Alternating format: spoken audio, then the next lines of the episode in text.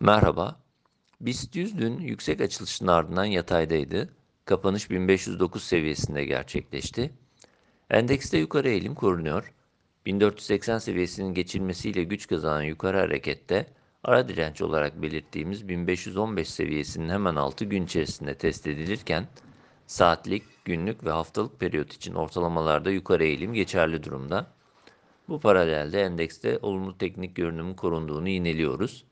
BIST'te 1515 ve sonrasında 1570-1600 bandının gündemde olduğunu düşünmeye devam ediyoruz. Endekste 1465-1450 seviyesine yakın destek, 1436'ını ise kısa periyot için yeniden zayıflama bölgesi olarak belirtiyoruz.